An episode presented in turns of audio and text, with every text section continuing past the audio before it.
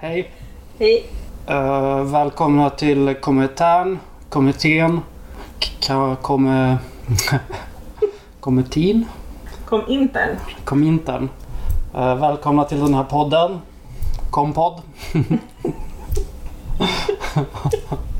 Ja, det här är avsnitt, eh, vi vet inte vilket nummer det är. Och idag så är vi faktiskt bara två personer. Mm. Uh, alla andra som, har, uh, som är Cash King är ute och reser. Och lever livet. Mm. Men vissa måste ju stanna kvar och arbeta för sitt uppehälle. Ja. Vilka är vi som är här då? Jo, det är Malin. Mm. Och Harald. Mm. Ehm, ja, och eh, idag så ska vi prata om... Uh, alltså det... Alltså okej, avsnittet kommer handla om alkohol. Men det är liksom lite oklart om det vi ska prata om. Uh, är liksom alkoholism, nykterhet. Vi kommer nog prata om allt. Ja, Alkoholism, nykterhet. eh, inom, inom ramen för, för eh, en politisk för den politiska kampen. Men även liksom utifrån en personlig eh, eh, upp, upplevelse. Alltså, erfarenheter av alkohol. Och hur kul det är att supa. Ja, det fan skitkul. Det är fan asroligt. Men just det, eh, det kan man också nämna. Du och jag är ju helt nyktra. Vi Mm. dricker ju inte.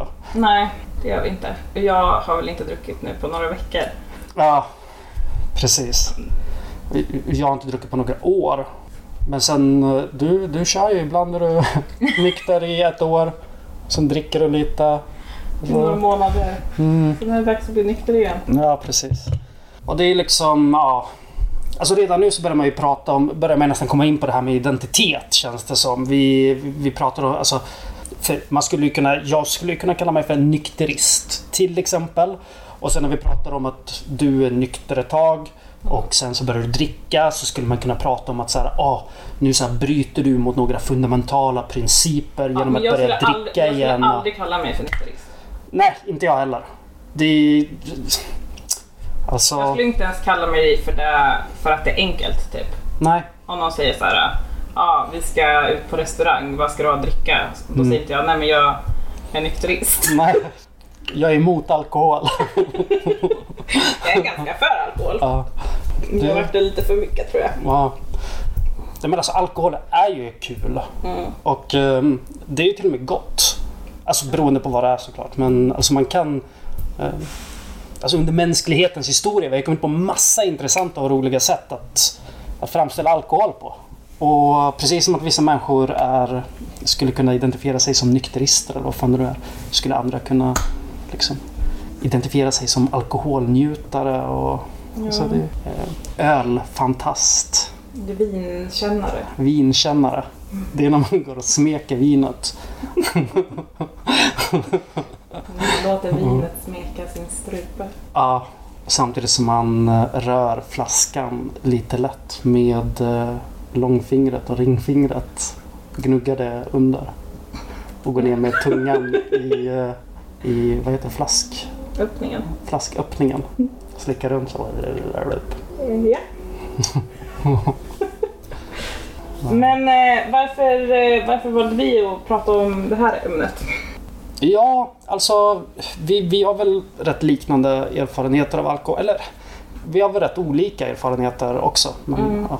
Men vi valde att prata, vilja prata om det här.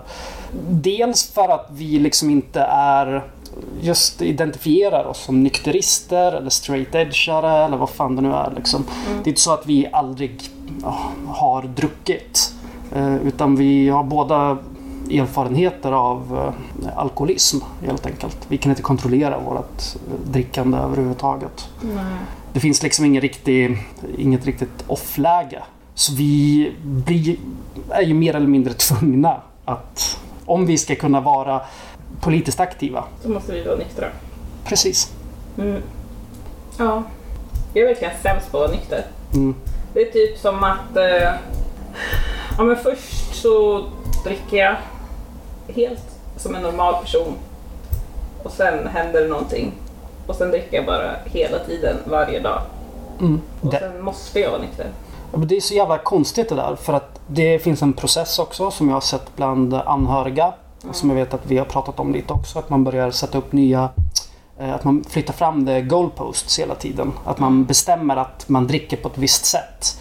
Eh, Man har ett visst antal drinkar av en viss typ. Äh, jag dricker bara en folköl. Som är, sen blir fem folköl, som sen blir tre mellanöl, som sen blir fyra starköl. Och det liksom förflyttas hela tiden framåt. Och det som sker när det förflyttas framåt eh, är ju också att man, man förändras ju under den tiden. Man förändrar synen på sig själv eh, och sin relation till alkohol. Man lurar sig själv. Ja, det gör man. Också för att man är så jävla kontrollerande och då känner man sig duktig. Och då känner man sig normal. För då kan man också gå ut. Och då kan man vara med folk som är fulla. Ja men precis. Ja, men det, det, ja. Alltså kort sagt, vi, ska, vi, vi vill inte prata om det här heller för att moralisera. Utan vi har ju väldigt... Alltså alkohol, vi har valt att prata om det här för att det finns ju en, en spänning mellan eh, oss som politisk rörelse. Både liksom lokalt i, i Sverige men också globalt. Olika folk på olika platser i världen har olika eh, relationer till alkohol. Medan den mer här i, i Sverige är den nästan lite slentrianaktig medan för människor, alltså rasifierade människor i kolonialsamhällen så finns ju en väldigt stark eh, koppling mellan kolonialt våld och alkoholism i, bland ursprungsfolk helt enkelt.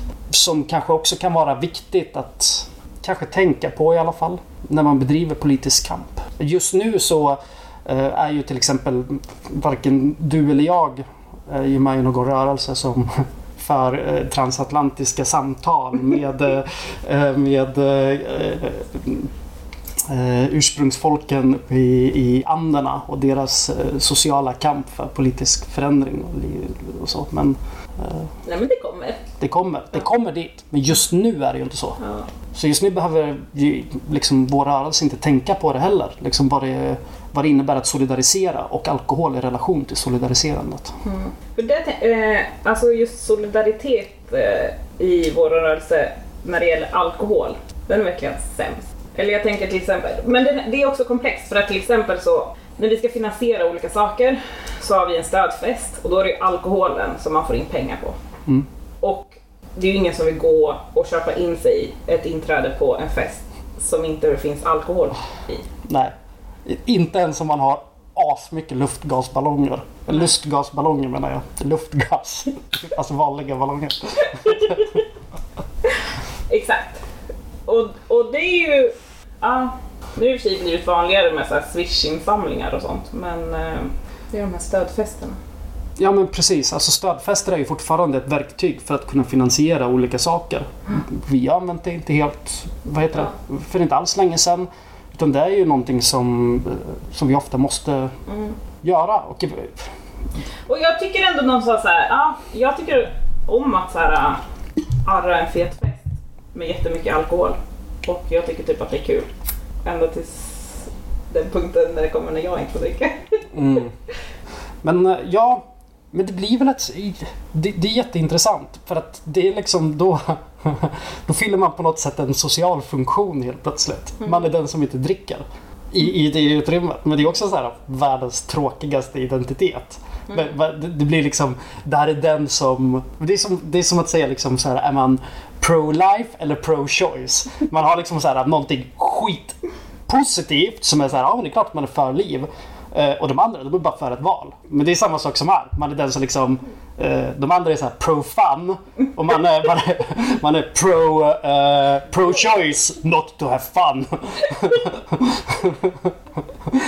Ja, det var sorgligt. ja, det är fan, ja, det är en jävla pissidentitet att ha. Ja. Men det, är- det är som, som, du, som du säger, det blir, ett, det blir också att man, att man har ett inträde. Man liksom, för annars blir det så, att man liksom bara får avlägsna sig i så här, skymundan.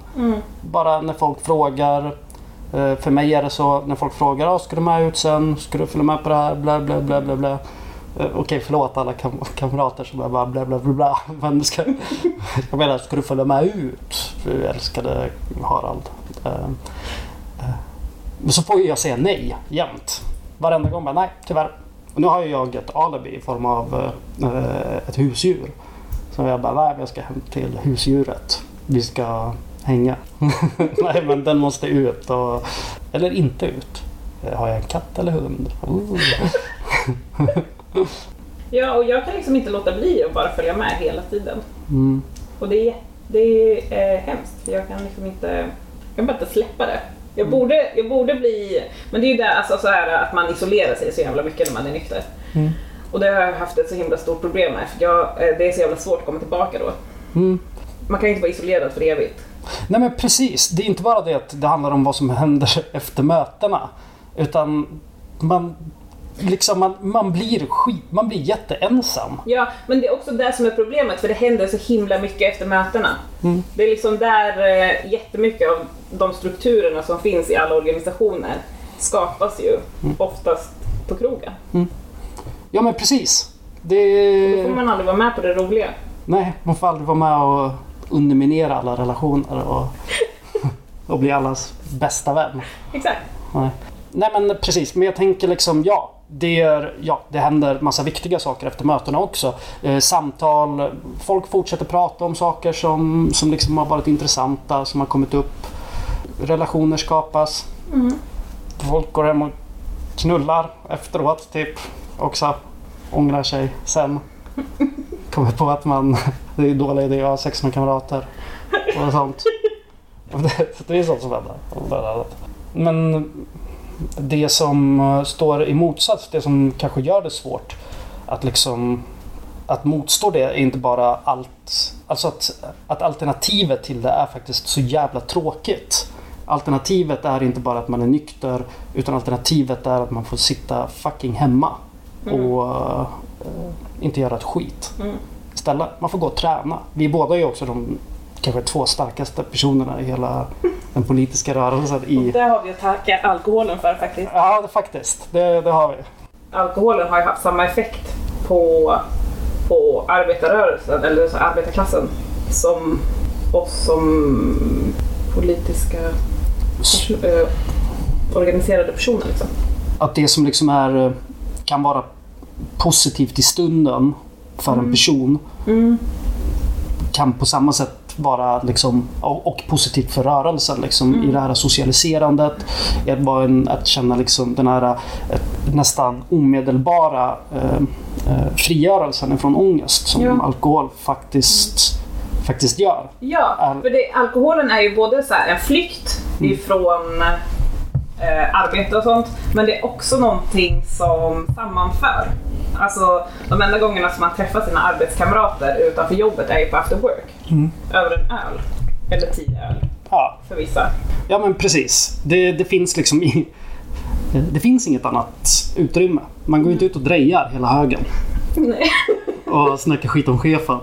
Nej, det enda gången man snackar skit om chefen är ju när man går ut och röker eller när man dricker alkohol med sina arbetskamrater. Ja, och det är väl det liksom att det finns någon så jättekonstig eh, motsättning att det är endast under de, eh, de Nej men det, det är väl ingen motsättning ens. Under de ögonblick som vi försöker undkomma eh, den här känslan av meningslöshet, eh, av, av hjälplöshet som, som jag känner som personer i det kapitalistiska samhället.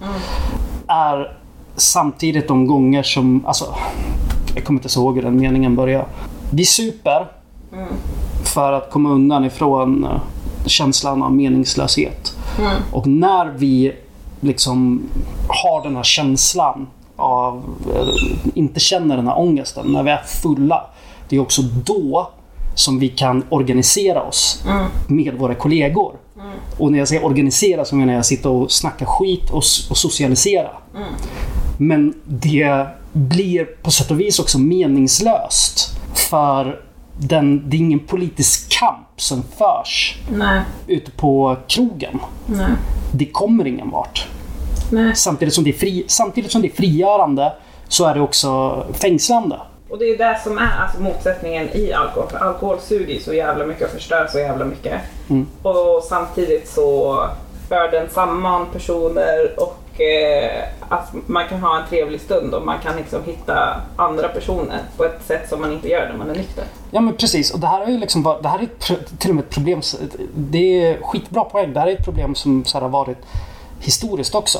Är att eh, alkoholen har för eh, den, för den produ, eh, vad heter det, produktionsägande klassen eh, varit ett problem för att arbetarklassen har supit som djur och inte kunnat vara duktiga arbetare Samtidigt som det är kapitalistklassen som, som har försett arbetarklassen med, Precis. med alkoholen. Precis. Samtidigt som de då skulle förbjuda alkoholen så skulle de också eh, så, eh, bli, eh, eh, så möjliggör det att det finns en, en politisk motrörelse eh, i- på, hos eh, arbetarklassen där det möjliggör social eller kamp, eh, klasskamp helt enkelt. När man är befriad från alkoholen eller vad det nu kan vara eh, för substanser eh, så eh, kan man bedriva mycket effektivare klasskamp. Så att å ena sidan så för mycket alkohol är skadligt för produktionen och ingen alkohol är skadligt för produktionen. För då kommer arbetarna organisera sig istället. Ja. Och samtidigt så finns det ju hos arbetarklassen då, då det här problemet är att man vill ju kunna fly ifrån, ifrån känslan av meningslöshet. Ja. Det är väl ingen jävel som ska komma och få ta det ifrån en. Man kanske kan hitta något annat. Eh, Benzo. Vi är bensoförespråkare. Ja, det är väldigt kul, men det är inte så... Ska vi säga att benso är kul? Ja, det är kul på ett sätt som att det är kul att, eh, att inte, Inte vara miserabel. Precis, att inte vara miserabel. Det är som att åka det är som att åka en karusell som normaliserar världen. Den gör liksom, man får liksom inte något så här, det, det är inga hastiga uppgångar eller nedgångar eller att man åker upp och ner. Utan allting bara blir lite skarpare. Fast samtidigt lite oskarpare. Och så finns det ju såklart så många fler så perspektiv. Jag tänker alkoholen är ju typ eh, en jättestark stark patriarkal struktur. Mm. Den alkoholen används ju av män eh, och eh, ökar mäns våld mot kvinnor och sexuella övergrepp och Ja, all sån skit. ja men. Också även inom vår rörelse. Mm. Även inom vår jävla rörelse också. Det är ju det att det är någonting som händer. Alltså, alltså jag vet inte, vilka, är det som, vilka tycker du kan dricka? Till exempel. Om, om du bara får säga liksom, vi, eh, bara dra så här några... Några personer i vår rörelse som är duktiga på att dricka. Nej.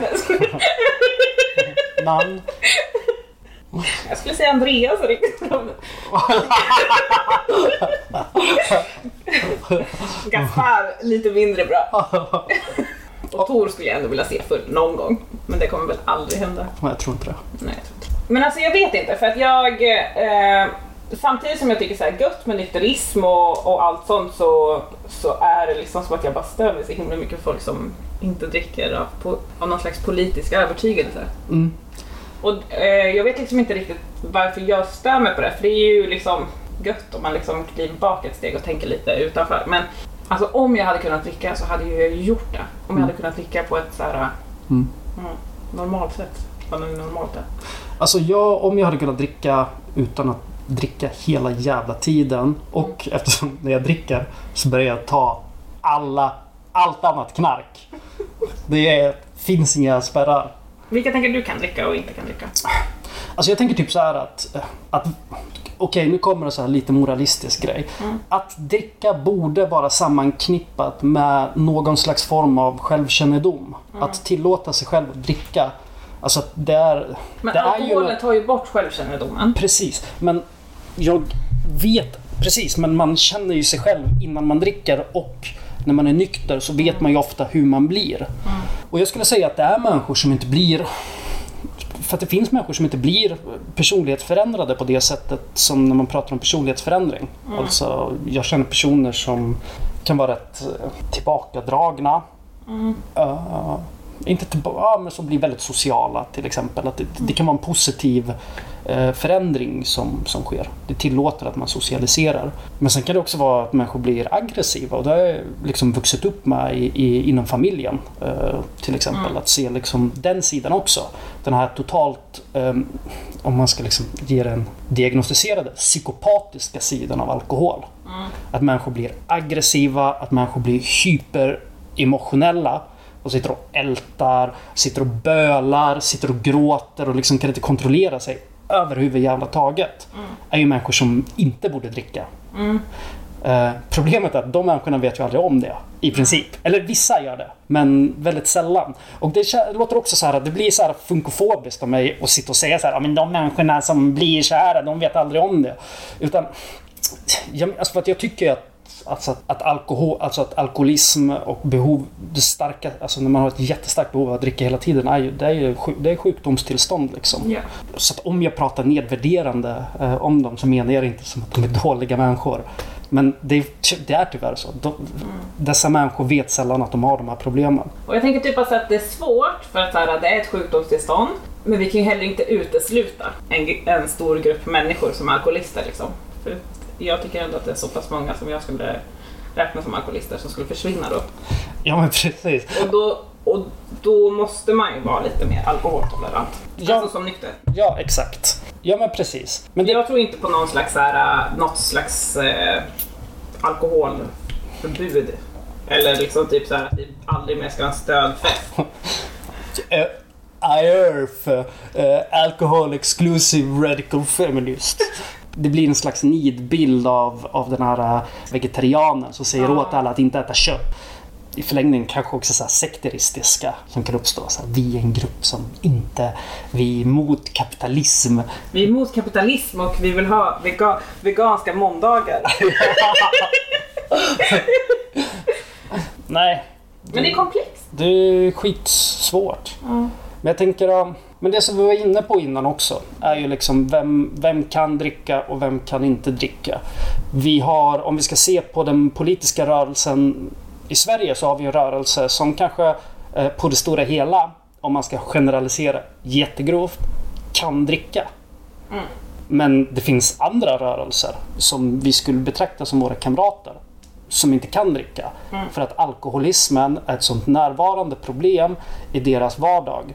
Det är någonting som ehm, eh, i Sydamerika så är ju liksom, man, man kan säga att det är eh, klasskampen löper parallellt med kampen för ursprungsfolks rättigheter som går parallellt med eh, den feministiska kampen. De här tre är liksom sammanvävda. Eh, men alkoholismen är den största orsaken till, eh, eh, till våld.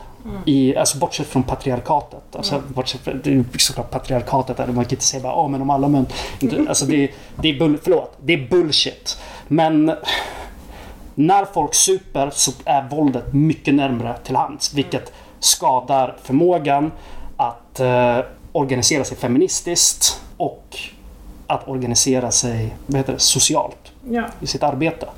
Så att i många av de här rörelserna så är det så är det ju ett riktigt problem. Vi kan inte samarbeta med dem på, på samma premisser som vi samarbetar med varandra.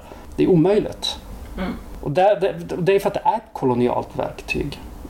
Att, att förtrycka människor. Att hålla människor hjälplösa. Att ta ifrån dem deras värdighet. Det är bara att pumpa in droger, sprit, våld, misär. Så därför, det är ju ett argument för varför vi, liksom både på, på ett personligt men också ett organiserat plan, inte borde dricka. Men å andra sidan, Internationell solidaritet. ja precis, internationell solidaritet. Men som sagt, det är ju liksom också, som vi har sagt, en väg ut ur den här äh, meningslösheta, meningslösa jävla skiten som sliter sönder oss, som är det kapitalistiska samhället. Som verkar bara tuggar sönder oss. Så ger den ångest hela fucking jävla tiden. Vi har inget sätt att fly ifrån det här. Det är bara kemikalier som kan få oss och lyckad politisk kamp liksom. Ja. Alltså inte för att moralisera, men eh, tänk att du eh, är skulle liksom kunna gå fram till eh, ett djur och ta på det på ett, på ett opassande sätt. Så jävla dålig är det om du dricker.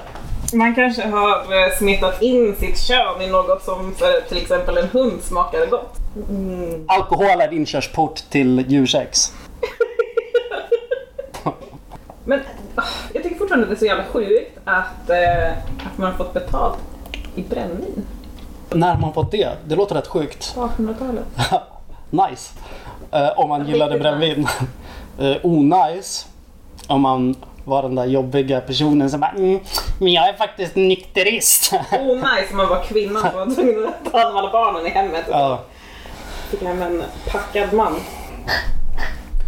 Eh, nu sitter mitt husdjur och hon är, uh, hon är skendräktig så hon har adopterat en liten gris. Så att om det låter något konstigt så är det den hon sitter och eh, slickar på och tar hand om.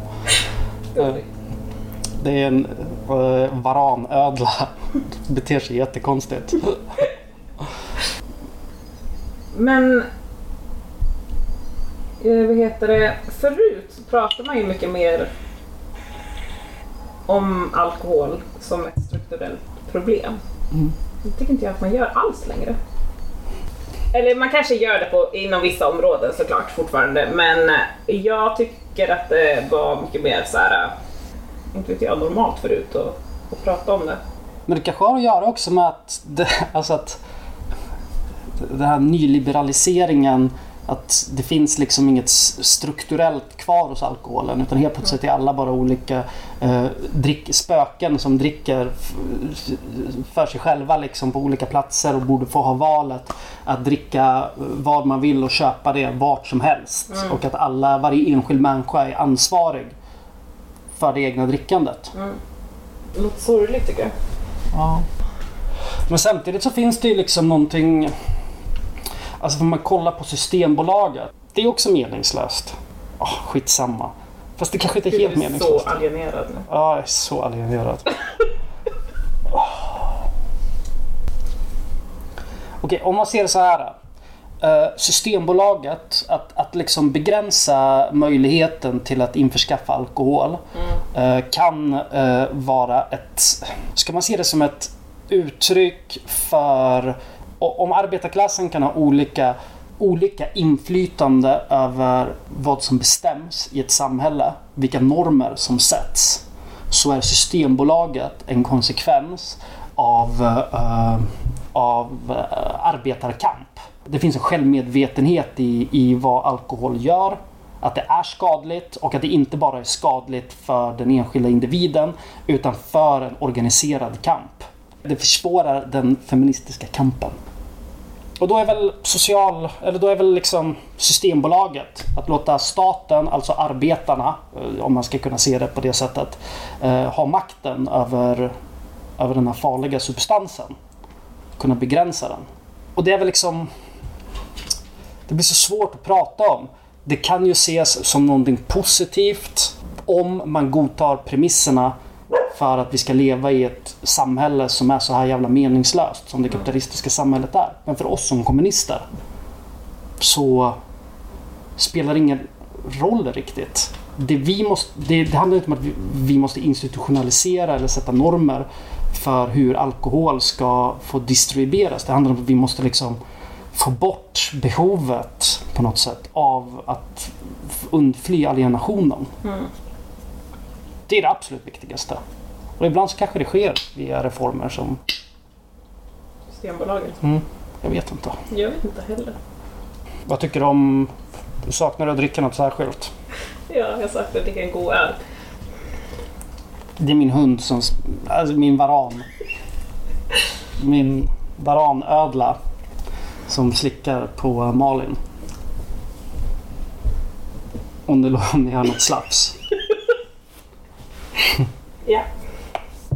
Jag har nämligen lagt, smetat in mitt eh, ben i någonting som för en varanödla smakade gott. Smetat in det i as. Äkta as.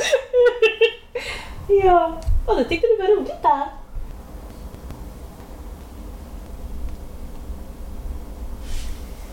Kan man liksom, tycker du att man kan sätta saker på undantag?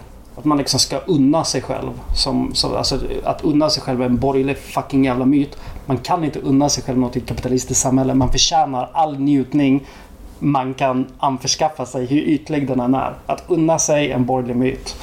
Mm. Men att, okej, citationstecken, unna sig. Eh, undantag liksom. Eller, om, om, håller, du med, ja, men precis, håller du med om att eh, man gör på något sätt ett undantag ifrån att ta ansvar för, ta sitt feministiska ansvar när man dricker? Ja, alltså. Ja, men, jag vet inte, jag tycker typ så här äh, att, så här, utgö- att u- göra en mall i hur, hur vissa saker ska vara tycker jag kan bli lite konstigt. Eh, och att så här, dels är det svårt att efterleva. Alltså det är väl klart typ så här, ett, i ett perfekt samhälle så skulle väl ingen dricka. Mm. Men eh, nu är det inte så. Nej. Och eh, då får man ju arbeta utifrån det som finns också. Även om man kan så såklart så här, sträva mot andra mål och bla bla bla, bla men typ så här, jag skulle bara vilja se lite mer ansvar. Typ. Alltså eh, gentemot varandra och för varandra. Mm. Eh, att eh, jag har sett, alltså män tar inte ansvar för and, över andra män liksom.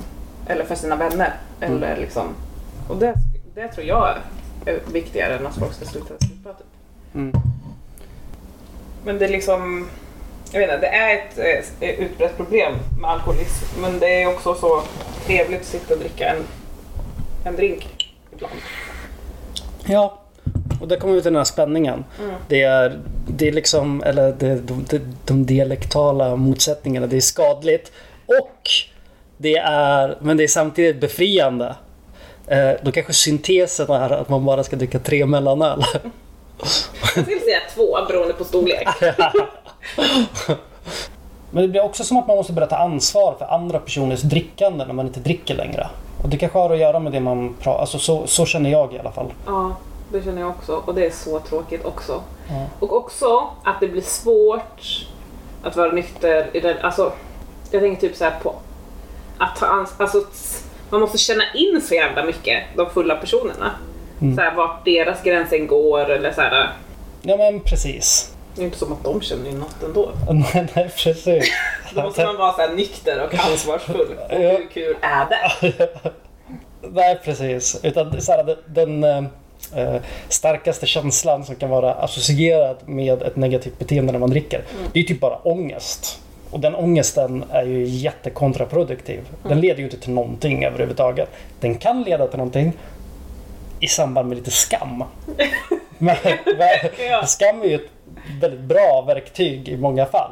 Men man vill ju inte vara den som är den. Nej, man vill ju inte det. Nej, Och så är man den som är den bara genom sin blotta nyktra närvaro. ja precis. Och det, På, ja. ja, påminner folk om att de är inferior. Ja, och då sitter man där och försöker bara vara lite lättsam och bara nej men jag dömer dig inte. Och så känner alla som dricker alkohol sig jättedumda hela tiden. Ja. Det är fan fucked up att det är så. Och då kan jag till och med så här, köpa öl till folk Ja. liksom. Nej det kan jag inte eftersom jag aldrig har pengar. Men jag kan låna pengar av folk och köpa öl.